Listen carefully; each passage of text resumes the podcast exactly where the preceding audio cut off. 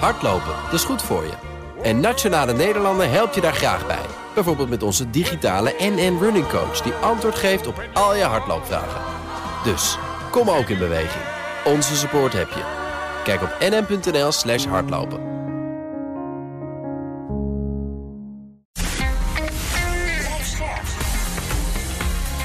BNR Nieuwsradio. De AEX-factor.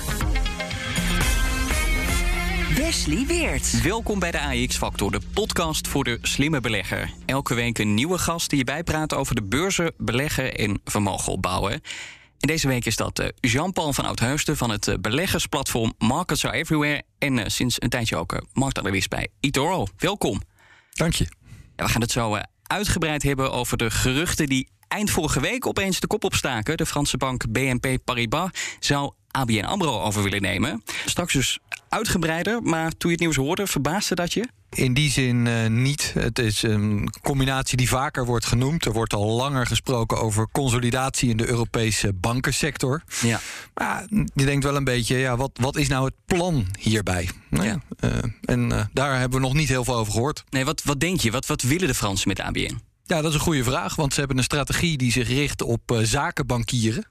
En ABN AMRO is natuurlijk hoofdzakelijk een retailbank. Dus in die zin is het niet zo'n uh, goede match. Nee, zou je bijna zeggen dat het een mismatch is. Ja, en uh, nou ja, de bedrijven kennen elkaar in die zin. Hè, dat ABN AMRO natuurlijk met Fortis bezig geweest is in het verleden. Dat is nu onderdeel van BNP. Er lopen een hoop mensen bij BNP rond die van Fortis komen. Ja. Misschien dat dat nog een rol speelt. Maar we hebben er nog niet echt veel over gehoord. Nee, we gaan er straks in ieder geval nog veel uitgebreider over praten. Dan gaan we ook bespreken of er misschien nog anderen in de rij staan om uh, de bank over te nemen. Da daar kun je dan nog even over nadenken. Kun je misschien wat namen uh, tevoorschijn toveren straks. En je hoort of een overname van ABN een fusiegolf in de Europese bankenwereld kan ontketenen. Maar we beginnen met een greep uit het belangrijkste beursnieuws van de afgelopen week. Want er vallen opnieuw honderden ontslagen bij Netflix.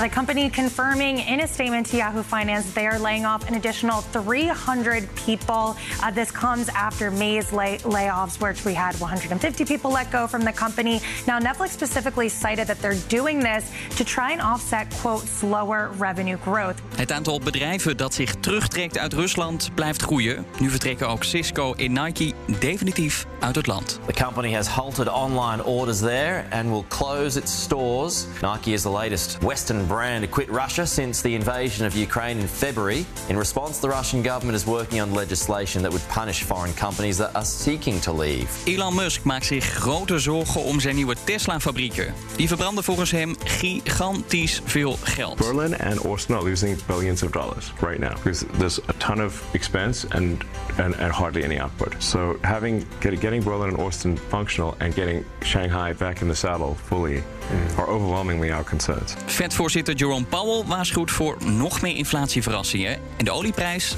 die dook omlaag. What's pushing that down are these issues about the uh, continued uh, COVID lockdowns in, in China. We've also got a lot of recession uh, concerns in the economy. as the as the dollar rises, that's making oil a lot more expensive for a lot of those consuming countries, and that's going to hurt their ability to continue to buy oil. De angst voor een recessie lijkt nu ook vat te krijgen op de prijzen voor grondstoffen. Want na maanden van ongekende stijgingen krijgen de grondstoffenprijzen een tik. Haast alles daalt weer in prijs. Uh, en dat terwijl uh, Goldman Sachs een paar weken geleden nog zei: Nou, die olieprijs die gaat die 140 dollar wel uh, doorbreken. wat is opeens veranderd? Nou ja, niks is zo moeilijk te voorspellen als de olieprijs. Maar wat er veranderd is, is dat uh, natuurlijk de, met name de Federal Reserve bezig is met de rente. En ja, de angst voor een recessie steeds groter wordt. En ja, waarschijnlijk uh, worden bedrijven daar dan toch voorzichtiger door. En dan zie je dat terug in hun uh, bestellingen van grondstoffen. En die ja. dalen dan wat in prijs. Ja, want is die rentestijging dan toch veel harder dan de markt vooraf had ingecalculeerd? Nou, je ziet dat het de Fed gewoon uh, absoluut menens is. Het is gewoon een nummer één prioriteit. En als je het mij vraagt, de koers waar ze op zitten, is dat ze in ieder geval de reële rente weer terug willen hebben naar nul. Nou ja, als je dan ziet dat de inflatie op dit moment uh, 8,6% staat in Amerika. En de korte rente nog maar net een paar verhogingen achter de rug heeft. Ja, dan zou je kunnen zeggen, dan ligt het in de lijn der verwachting dat er nog wel flink wat renteverhogingen aankomen. Daar is de markt in ieder geval bang voor. Ja, en kan ik het dan kort samenvatten dat de markt dan niet meer speculeert op dat maar op een recessie? Nou ja, het is, het is een beetje de balans zoeken. Dat is trouwens ook wat de Fed doet, maar dat is ook wat de markt doet. Van wat weegt er nou zwaarder? Ja. Nou ja, en op dit moment denkt de markt dus toch dat er meerdere renteverhogingen zijn dan dat nu misschien wordt gedacht. Omdat ze denken dat die inflatie nog wat hardnekkig is. Dus op het moment dat dan die grondstofprijzen wat afkomen, waarschijnlijk ook door de woorden over recessies, denken mensen, nou, misschien is de soep dan toch niet zo heet. Ja, die soep is dan niet zo heet aan de kant van het grondstoffentekort, maar wordt des te heter aan de kant van een mogelijke recessie. Precies. Ja, maak jij je ook zorgen om een recessie? Nou, zorgen niet. Maar het is gewoon niet in de, in de economische cyclus uh, waar je altijd mee te maken hebt. We hebben natuurlijk een hele periode gehad van heel veel groei. Die ook nog eens een keer ja, extra en onterecht is aangewakkerd, weten we nu.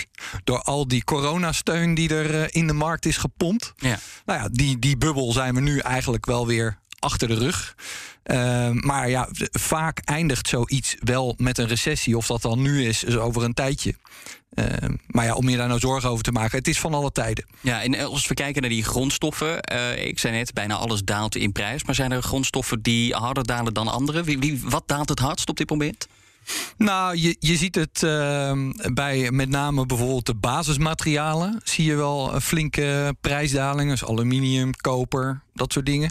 Uh, energie daalt ook wel wat. Maar dan moet je natuurlijk niet vergeten dat het ook wel heel erg hard gestegen is. Ja. En laten we er geen misverstand over bestaan. De olieprijs en uh, de gasprijzen zijn nog steeds heel hoog. Ja, en dat is een beetje de grote vraag. Is toch wel de, ver, de, de, verwachting dat die nog langer hoog blijven? Ja, dat zal de toekomst moeten leren. Ja, geldt dat ook voor die andere grondstofprijzen? Of moeten we ons zo langzamerhand misschien opmaken voor een kleine crash? Ja, voor een crash is er uh, meer nodig dan nu. Dan moet er echt iets onverwachts gebeuren. Want wat je de centrale bank in ieder geval in Amerika moet nageven, is dat ze het allemaal wel heel goed begeleiden. Ja, ze hebben natuurlijk wel een fout gemaakt door zoveel liquiditeit te verschaffen. Ja. Maar nu communiceren ze heel goed.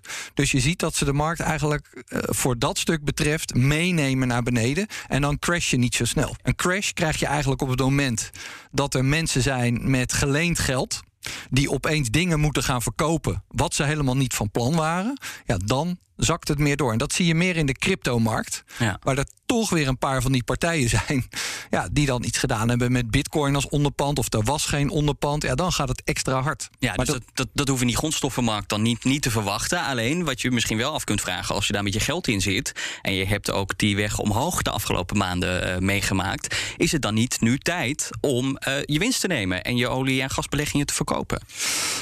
Ja, dat is een. Uh, kijk, waarom dat zoveel mensen in, in de energiesector beleggen, is natuurlijk omdat dat de afgelopen periode de enige sector is geweest waarmee je nog een deel van de inflatie kon goedmaken. Dus het is eigenlijk niet een lange termijn belegging, maar het is een soort vluchthaven ja. ten tijde van uh, inflatie. Ja, dan hangt het dus helemaal af van uh, je visie hoe het nu verder gaat. Als je denkt van nou, weet je, binnenkort zal er toch wel een akkoord komen in Oekraïne, ja, dan is de kans groot dat die prijzen gaan dalen. Maar het basisscenario, als je het mij vraagt, als in China weer meer. Uh, uh, ja, uh, lockdowns voorbij zijn. Dus de economie weer wat meer gaat draaien. Uh, en op andere plekken gaan bedrijven ook gewoon door. Dan wil het niet zeggen dat ze hard gaan groeien. Maar dan kunnen die, die prijzen toch nog wel een tijd hoog blijven. Omdat er zo'n tijd onderinvesteringen zijn geweest. We zitten eigenlijk gewoon een beetje tegen het maximum aan wat we kunnen hebben. En daar komt niet heel veel nieuwe aanvoer bij. Nee. Uh, dus ja, da dat is een, daar zoekt de markt een beetje naar een balans. We hebben het nu over de grondstofprijzen, maar je ziet ook dat de hoge inflatie, de stijgende rentes, dreigende recessie, uh, natuurlijk ook op een breed front de beurzen omlaag duwt, aandelen omlaag duwt. Uh, Jerome Powell, hij kwam al even ter sprake uh, van de Fed, die waarschuwde de deze week nog maar weer eens dat er misschien nog meer inflatieverrassingen aankomen. En dat werpt ook wel de vraag op van ja, hoeveel kunnen die aandelen nog omlaag. Nou, het is super interessant bij dit soort dingen, vind ik altijd, om even uit te zoomen, zeg maar, en even te kijken naar het verleden. Ja, en als je nu kijkt naar de grafiek van bijvoorbeeld de AEX, dan zie je eigenlijk als je kijkt vanaf 2012, eh, tien jaar terug, toen hadden we net de eurocrisis achter de rug. Toen stond de rente ook heel laag, op 1%. En die werd in 2016 zelfs verlaagd naar 0%. Ja. En toen heb je eigenlijk tot aan de coronacrisis een periode gehad. De economische groei was wel niet fantastisch, maar door die lage rente kon die beurs eigenlijk met, met bijna een hele mooie trendlijn omhoog gaan. Ja. Ja, toen kregen we corona, toen kregen we die steun. Toen vlogen die koersen door het dak. Maar je ziet eigenlijk nu met de AX op 650 dat we precies weer terug zijn op die trendlijn die we voor corona hadden achtergelaten. Ja. Ja, en dan is nu de vraag: oké, dus die, die lucht is eruit. Kunnen we dan nu weer verder hoe het was? ja, je werkt hem zelf op, dus geef er ook maar Ja, antwoord op. maar ja, dan moet je een beetje eerlijk zijn. Kijk, de, de, het, het, eh, het economische klimaat is nu wel toch een beetje anders dan dat we in 2011 tot 2018 hebben gezien. Ja, Ja. Want toen had je een hoge olieprijs. Ja, die hebben we nu weer, maar die hadden we tussen 2011 en 2014 ook. Ja, dat is toch moeilijker werken. Ja. Ehm, we hebben ehm, een rente die nu omhoog gaat. En het belangrijkste is dat er tussen 2011 en 2018 wereldwijd heel veel werd samengewerkt. Eh, Die hele globalisering, de handel, ja, dat kwam eigenlijk tot een soort hoogtepunt. Ja, nu hebben we ontzettend veel spanningen tussen West en Oost.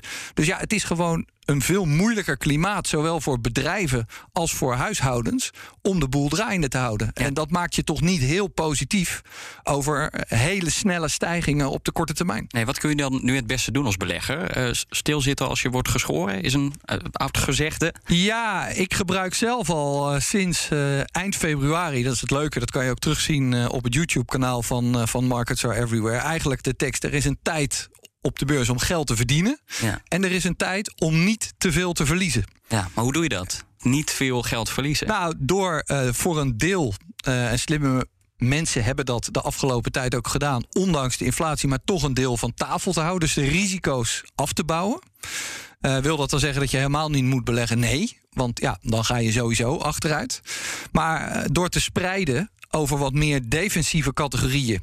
Ja, en eh, met name dus defensieve categorieën, maar uit verschillende potjes. eh, dat helpt je er over het algemeen eh, doorheen. Ja, en zijn er ook nog tot slot de aandelen die definitief wat jou betreft hun glans hebben verloren? Dus die je het beste uit je portefeuille kunt kukelen? Ehm, nou ja, kijk, we, hebben natuurlijk een periode gehad met zo'n hele lage rente. Ja, dan, dan een beetje bedrijf met een beetje businessmodel kan niet failliet. Dus je moet nu wel heel erg goed opletten bij de bedrijven die nu al een tijd in business zijn. eh, die mooie plannen laten zien, maar nog steeds geen winst maken. Want ja, als die nieuwe financieringen moeten ophalen tegen straks een veel hogere rente, ja, daar zouden bedrijven bij kunnen zijn die het niet gaan redden. Ja, laat ik er eentje uitpikken. Netflix, want die wil ik ook nog even sprake Hey. Net- Netflix gaat het natuurlijk eh, sowieso wel redden. Die hebben zo'n klantenbasis en zo'n ijzersterk product... waar nog steeds heel veel mensen heel graag naar kijken. Ik denk dat die meer moeite hebben om de groei eh, te managen. Ja, ik noem Netflix natuurlijk ook niet zomaar. Ik werp hem op natuurlijk, omdat Netflix opnieuw honderden werknemers eh, ontslaat. Nu ze in rap tempo ook abonnees verliezen. 300 om precies te zijn. Vorige maand het ook al 150 banen. Ja, ze zoeken naar manieren natuurlijk om de kosten te besparen. Eh, maar ze moeten ook zoeken naar nieuwe manieren om abonnees te werven. En dat laatste, nieuwe abonnees werven, gaat dat lukken met de plannen die er nu liggen? Nou ja, daar zijn ze volgens mij hard mee bezig. En eh, ze hebben al van eerst dachten ze van eh, we gaan het doen met gaming. Ja. Ja, dat was toch een beetje een longshot. Ze moeten toch iets doen wat wat dichter bij huis ligt. Ja, toen zijn ze bezig geweest met dat password sharing. Ja, Eh, mensen om- die hun accounts delen met om elkaar. dan te kijken of ze daar nog een paar stuivers uit konden halen... door te zeggen, joh, weet je, we vergeven het je... maar dan moet je nu wel even lid worden. Ah, dat, dat hebben ze geprobeerd, maar dat blijkt eigenlijk nu al, dat werkt niet. Want eh, ik vind dat altijd grappig als je dat in je eigen omgeving ook vraagt. Mensen gaan dat niet doen. Nee, dus ik wil zeggen, ik kan opgelucht ademhalen, want ik doe het ook. Dus ik kan gewoon blijven delen. Ja. Nou ja, maar wat ze nu eh, zijn ze gewoon volop bezig met advertenties. Ja. En dat is ook al rondgestuurd. En dat klinkt natuurlijk wel erg logisch. Want je weet dat er met advertenties veel geld verdiend wordt. Ze hebben een enorm bereik. En dan willen ze dus een goedkoper abonnement gaan aanbieden. Eh, voor de mensen die zeggen: Nou ja, oké, liever een goedkoper abonnement.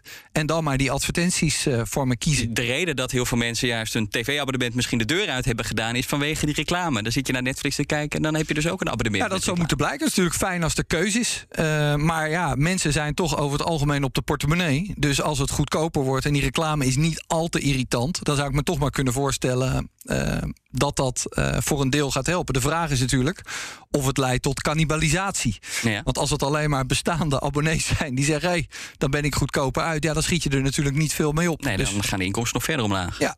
Ja, is het, is het zo? Want het idee is dan uh, dat er een goedkoper abonnement komt met reclame. Um, maar moet ik me dan voorstellen dat Netflix uh, veel meer wil transformeren naar een advertentiebedrijf à la Google en Facebook? Is dat het idee?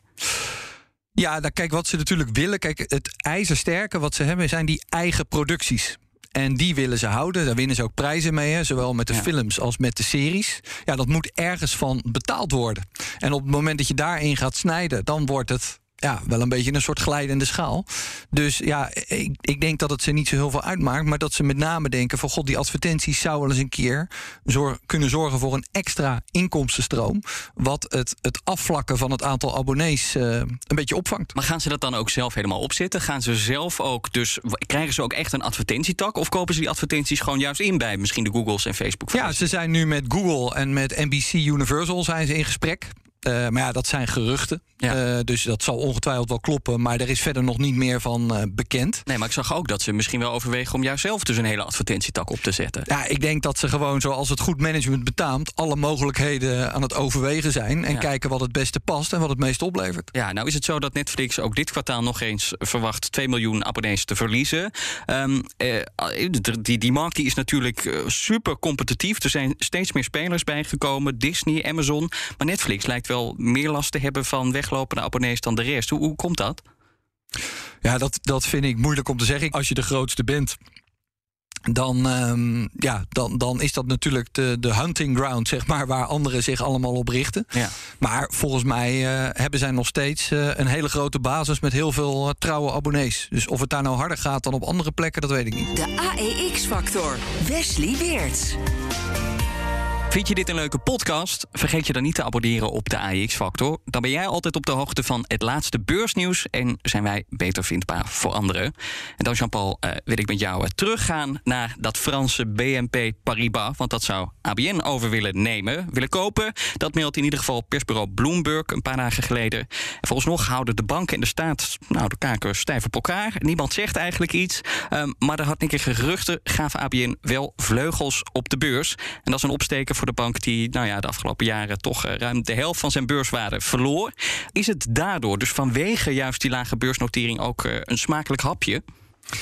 Um, nou ja, kijk, het, het, het, alles gaat bij zo'n overname natuurlijk inderdaad om welke prijs wordt er uh, betaald. Ja. Maar het belangrijkste is natuurlijk het langetermijn plan wat je hebt met zo'n bank en uh, waar je qua strategie naartoe wil en wat je denkt in de toekomst te kunnen realiseren. Ja. ja. daar hebben we BNP dus nog niet over gehoord. Wat ze daarmee van plan zijn. En dat zal moeten blijken uh, ja, of het een goede fit is voor ja, ze. Begin teasen we daar al een klein beetje naartoe. Toen gaf je nog niet echt antwoord op die vraag. Dus ik stel hem nog maar een keer. Wat denk jij? Wat is BNP Paribas van plan met ABN? Ja, dat is een goede vraag. Want als je gewoon kijkt naar de business... dan is het uh, nou niet meteen een, een match, zeg maar. Het, is, uh, het heeft weinig overlap. Dus je kan daar niet heel veel uh, synergie uithalen. Nee. Kijk, als je, als je ernaar kijkt, wat ik denk een van de. Uh, er is natuurlijk altijd heel veel kritiek op banken. Maar wat een van de sterke punten is van de Nederlandse banken. En ook van ABN AMRO. Is dat wij, als je er eerlijk over bent, gewoon um, de, de bankaire zaken enorm efficiënt afhandelen. Ja, de, wij zijn hier al zo ver gedigitaliseerd. dat bij heel veel uh, bankzaken komt er ook gewoon geen medewerker meer aan te pas. En daar zijn ze echt in het buitenland denken ze af en toe van hoe krijgen ze dat daar voor elkaar? Dat is echt heel knap van de Nederlandse bank. Ja. ja en misschien dat ze zeggen van, nou, weet je, dat vinden we wel fijn om erbij te hebben. Ik denk wel dat als je een andere eigenaar kijkt, dat die nog wel eens heel goed kijkt naar het kostenniveau. En denkt van, nou ja, weet je, ik ben toch misschien wat minder bekommerd om al die banen in Nederland. Maar laat ik het gewoon heel efficiënt maken. En dan kan ik er op die manier nog wat uh, waarde uithalen. Ja, want dat is wel een punt. De kosten ten opzichte van de inkomsten, daar scoren Nederlandse banken, als ik het goed heb, over het algemeen wat slechter dan andere Europese Ja, daar spelen natuurlijk ook dingen als werkgelegenheid mee. En uh, kijk, uh, als je het hebt over het onderwerp, is natuurlijk eigenlijk de vraag: moet je ook als Nederlandse staat afvragen wie is nou de betere eigenaar van ABN Amro? Ja. Is dat de Nederlandse staat nog steeds, of is dat BNP Paribas? Ja, wat vind jij? Wie is de betere eigenaar? Nou ja, ik denk dat het op dit moment um, uh, belangrijk is. Wat is nou het langetermijnplan? Dat geldt voor elk bedrijf. En dat mis ik eerlijk gezegd nog een beetje. Ja. Met name bij de staat. Wat ja. ze nou met die belangen willen, maar ook wat ze met het Nederlandse bankaire landschap willen. Ja, en specifiek ABN. En dat, dat, zie je misschien ook wel terug in die, in die beurskoers. Want ik zei het al, die beurswaarde die is natuurlijk uh, flink gekelderd de afgelopen jaren. En je zei net, ja, ja het, het, hangt natuurlijk ook deels natuurlijk op de prijs. Want als die goed is, nou ja, dan zijn er wellicht geïnteresseerden, waaronder BNP Paribas. Maar tegelijkertijd kun je misschien ook zeggen, ja, die beurswaarde is ook een afspiegeling van de problemen bij ABN. Dus als BNP het overneemt, dan is ook een bak ellende binnen misschien. Nou, ik vind het wel heel negatief. Ik weet niet of er zoveel problemen en zoveel uh, ellende is. Maar die beurskoers die daar heeft gestaan, ja, die krijg je niet heel snel weer terug nee, als je uh, niet flink groeit. Nee, maar die heeft een reden ja. natuurlijk dat die wel zo, zo, laag is. Komt natuurlijk door de coronacrisis en de, de, negatieve rente ook. Maar er zijn wat uitglijders ook geweest bij die zakentak. Um, problemen met witwascontroles. Dus ja, ja, ik zie dat toch wat anders. Kijk, ik, ik, um, kijk wat ik jammer vind als, als voormalig uh, medewerker van de bank ja, trouwens ook. Hier bij deze wel lang zeggen. geleden, hè, 14 jaar. Um, maar is als je, als je bijvoorbeeld de opkomst ziet, laat ik er gewoon eentje uitpakken als een Adyen. Dat is in 2006 begonnen. Kijk, ABN AMRO was vroeger ook ijzersterk in het betalingsverkeer. Ja. En wat Adyen nu wereldwijd doet... Ja, ik had liever gezien dat ABN AMRO door de jaren heen die rol had genomen.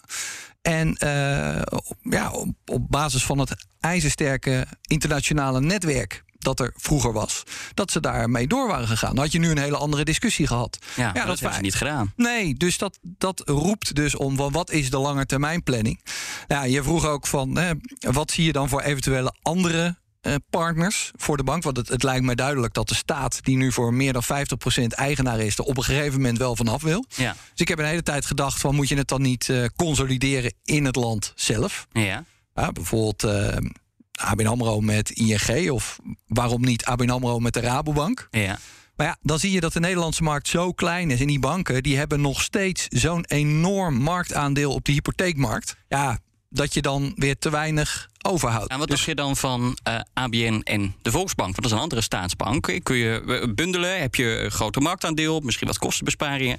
En dat is een mooi uh, uithangbord uh, voor ja, andere Dan ben je er nog niet, maar dat zou een combinatie... de Volksbank is natuurlijk ook nog een belang van de staat. Ja, en dat lijkt me sowieso een goed idee, omdat ehm, om, om, om, om te kijken waar de consolidatie logisch is en, uh, en mogelijk is. Ja, zijn er nog andere alternatieven denkbaar? Misschien ook, hè, want BNP Paribas dat is dus een mogelijke overnamekandidaat. Um, Nordea hebben we ook ooit voorbij horen komen. 2016 hebben het uiteindelijk achter het net gevist. Maar mm, heb je nog meer namen in gedachten? Nee, dat, dat zijn denk ik de eerste namen waar je bij uitkomt. Omdat ze gewoon ook in de media zijn genoemd. Je hebt in ieder geval een partij nodig die dan dus zo'n hypotheekportefeuille op de Nederlandse markt uh, door wil zetten. En naar dat soort dingen moet je, moet je kijken. Kijk, wat het uh, het algemene probleem is. Hoe, je kan het op een, op een bierveeltje leuk uittekenen. Maar niets is zo moeilijk volgens mij als het combineren van twee IT-platformen van die banken. Ja. Die banken die hebben allemaal miljoenen klanten. En als je dat moet overzetten, nou ja, dat, dat, dat is gewoon bijna onmogelijk. En dat heb je natuurlijk nodig om daar synergievoordelen uit te halen. Ja, ik ken iemand die is IT'er, heeft ook voor een bank gewerkt. En die zegt, ja, de banken snappen soms hun eigen systemen niet eens. Laat staan wanneer je ze samen moet voegen. Het is een hele complexe materie. Ja, nou, nou hadden we het al even over BNP Paribas. Is misschien niet de logischste overnamekandidaat als het om ABN AMRO gaat. Omdat ze dus niet heel veel overlap hebben. Tegelijkertijd is het ook aan de staat uh, of ze het willen verkopen. En daar speelt misschien nog wel iets anders bij mee. Want BNP Paribas is Frans, klinkt Frans. En met de Fransen hebben we nou niet de al te beste ervaringen. Neem Air France KLM. Denk je dat dat de overnamepoging al niet op voorhand al een soort van kansloos maakt? Air France KLM, uh, dat speelt natuurlijk nu. Maar ook Euronext vind ik nou ook niet echt een, een hele gelukkige fusie vanuit Nederlands perspectief. Want dat is eigenlijk gewoon Frans met een fantastisch mooi gebouw uh, op Beursplein 5. Ja. Uh, ja, nee, ik neem aan dat dat uh, meespeelt. En dan zeg je natuurlijk van, goh, joh, weet je... Uh, Meneer J. Lo wordt hij geloof ik genoemd, de, de CEO van, uh, van BNP Paribas. Als jij dat over wil nemen, wat ben je dan van plan? Maar dan komt natuurlijk ook het vertrouwen om de hoek kijken. Als je zegt dat je dat gaat doen en je houdt de werkgelegenheid in stand op de een of andere manier, ja, kunnen we daar dan op vertrouwen? Nou ja, dat lijkt me moeilijk in de huidige omstandigheden. Ja. Tegelijkertijd Weet je, als we zo staan te praten, dan denk je, nou ja, uh, kan ik me voorstellen als luisteraar, dat is niet, niet echt waarschijnlijk. we hebben nu wel een. Uh, waarom probeert BNP Paribas dat? Nou ja, we hebben nu natuurlijk, uh, je weet het nooit, we hebben een, een minister van Financiën die de indruk wekt dat ze toch erg Europees is voor Europese integratie. Ja, voor mijn gevoel toch wat minder affiniteit met de bankensector en een agenda waar ze geld voor nodig heeft om bepaalde andere plannen te financieren. Dus misschien dat BNP dacht van. laten we ze telefoontje wagen. En het is ook de, die minister die eerder zei: van ja, we willen van ABN af. Maar ja, tegen welke prijs? Ja, maar dat, dat, dat de staat van uh, een aandeel in een bank af wil, ja, dat lijkt me gezond. Ja, hoe eerder wat meer vaat achter te zitten, ook ja, een eerdere uitspraak. Ja, maar ja, je moet dus wel kijken waar breng je het dan onder. En zoals we nu staan te praten, zo heel makkelijk is het ook niet. Nee, de ABN AMRO heeft volgens mij op dit moment uh, waarde van 11 euro per aandeel. Uh, ja, toen we het kochten, of ja, willen we kiet spelen, moet dat 26 euro worden. Wat, wat is wat jou betreft een reëel bod? We hebben het inderdaad destijds voor 11 miljard in totaal gekocht. Ja. Het is nu uh, nou, net iets meer dan de helft waard. Ja, dat je dat nog gaat terugzien. Um, daar heb je een hele hoge rente nodig, met name een hele steile rentecurve, waardoor banken weer gewoon het traditionele spelletje van geld aantrekken, geld uitlenen beter kunnen spelen. Ja, maar die 26 euro gaan we niet behalen, toch op korte termijn? Daar ziet het niet uit, nee. Nee, moeten we dan ons verlies nemen, ons verlies pakken? Ja, ik, ik blijf erop hameren. Kijk, het is belangrijk dat er een goede toekomst uh, komt voor het bedrijf. Een lange termijn strategie. ABN AMRO heeft prachtige assets. En daar kan je, dat moet je niet zomaar even bij het oud vuil uh, zetten. Hoe mensen er soms over denken. Ja. Ja, dus je moet daar een goede bestemming voor kijken. Dat het de kans krijgt om weer de zaken te doen waar ze goed in zijn. Ja, waar zou wat jou betreft veel meer de focus op moeten komen te liggen dan? Als jij aan het roer zou staan van ABN AMRO. Je maakt een comeback bij ABN, maar dan als CEO. Wat, nou, zou je doen? Er moet wat mij betreft zo snel weer ondernemerschap in. De afgelopen jaren heeft heel veel de nadruk gelegen op risicobeheer. En waarschijnlijk wel om begrijpelijke redenen. Maar als je mee wil doen in uh, uh, het, het, het, uh, ja, het ondernemerspelletje. Dan moeten Ja. er gewoon mensen zijn die die plannen ontwikkelen. En die daar ook akkoord op halen. En die ze ook gaan uitvoeren. En dan kom je dus weer terug, wat mij betreft, bij dat hele efficiënte banksysteem wat we hier hebben. Ja, waar ik me toch kan voorstellen, als je daar de juiste partners in het buitenland eh, voor zoekt. eh, of dat nou grote banken zijn. Dat klinkt niet echt waarschijnlijk. Maar er zijn natuurlijk ook heel veel kleinere fintech-bedrijven die wel die technologie kunnen maken buiten het banksysteem. En ABN AMRO heeft daar ook heel veel kennis van in huis. Welke partijen dat er op fintech-vlak het goed doen. Ja, daar is volgens mij toch echt nog wel wat te behalen. Ja, we hebben vorige week ook een aflevering gemaakt over fintech. En eh, toen was eigenlijk de conclusie dat heel vaak een huwelijk tussen een bank en een fintechbedrijf geen gelukkig huwelijk is. Omdat vaak dat soort overnames mislukken. Ja, maar je moet het niet, naar mijn mening, niet overnemen. Je moet samenwerken. of En dat vinden ze af en toe wat spannend. Ja, maar, begrijpen ze elkaar ook? Nou ja, ik denk dat er bij ABN AMRO mensen rondlopen... die heel goed begrijpen hoe bepaalde eh, fintech-platformen kunnen werken. En ABN AMRO heeft natuurlijk heel veel verstand van het eh, gedrag van financiële consumenten. Dus als je dat in de juiste verhoudingen doet... en een goede samenwerking weet te vinden... dan moet daar volgens mij toch echt wel wat te halen zijn. Dan wil ik het hoofdstuk eh, BNP ABN afsluiten met eh, hoe serieus is die interesse? Is het meer dan een proefballon, denk je? Ik denk dat ehm, de interesse absoluut serieus is. Ja. En dat ze het eh, erg goed zouden vinden staan op hun eh, lijst met dingen die ze bereikt hebben. Als ze er gewoon de Nederlandse markt aan toevoegen. Ja. Dat, daar twijfel ik eigenlijk niet over. Ja. Maar eh, daar blijft het dan ook bij, denk ik, op dit moment. En de vraag is of er een deal tot stand komt. Ja, laten we het dan ook even daarbij houden wat betreft ABN en BNP. Maar laten we het even iets breder trekken. Want eh, kan bijvoorbeeld een overname van ABN ook het startschot zijn, wat jou betreft, van een grotere fusiegolf in die Europese bankenwereld? Want daar wordt al langer over gesproken. Ja, daar wordt al langer over gesproken. Er zijn nu eh, in de afgelopen periode weer wat, wat regeltjes veranderd. Wat het ook allemaal wat makkelijker maakt. Maar ja, je ziet tegelijkertijd door de hele situatie in Oekraïne toch ook de spanning op de Europese Unie staan. Eh, consolidatie van de bankaire sector in een land zelf. Nou, daar, daar is verder niet zo heel veel probleem mee. Maar als het grensoverschrijdend is, dan zijn er toch nog heel wat beren op de weg. Dan kom je toch weer terecht bij. Het is de voorbode van een Europese bankenunie. Ja, daar zijn toch nog echt heel veel tegenstanders van. Omdat het ja, toch nog niet zo gebracht is dat het nou echt een doortimmerd goed plan is. Waar zit de grootste tegenstand? Nou, de tegenstand zit dat je natuurlijk zeggenschap verliest aan een ander land over iets vitaals als je, je financiële zaken. Dus bijvoorbeeld je, je leningen en dat soort dingen. En dat wil je natuurlijk geborgd hebben.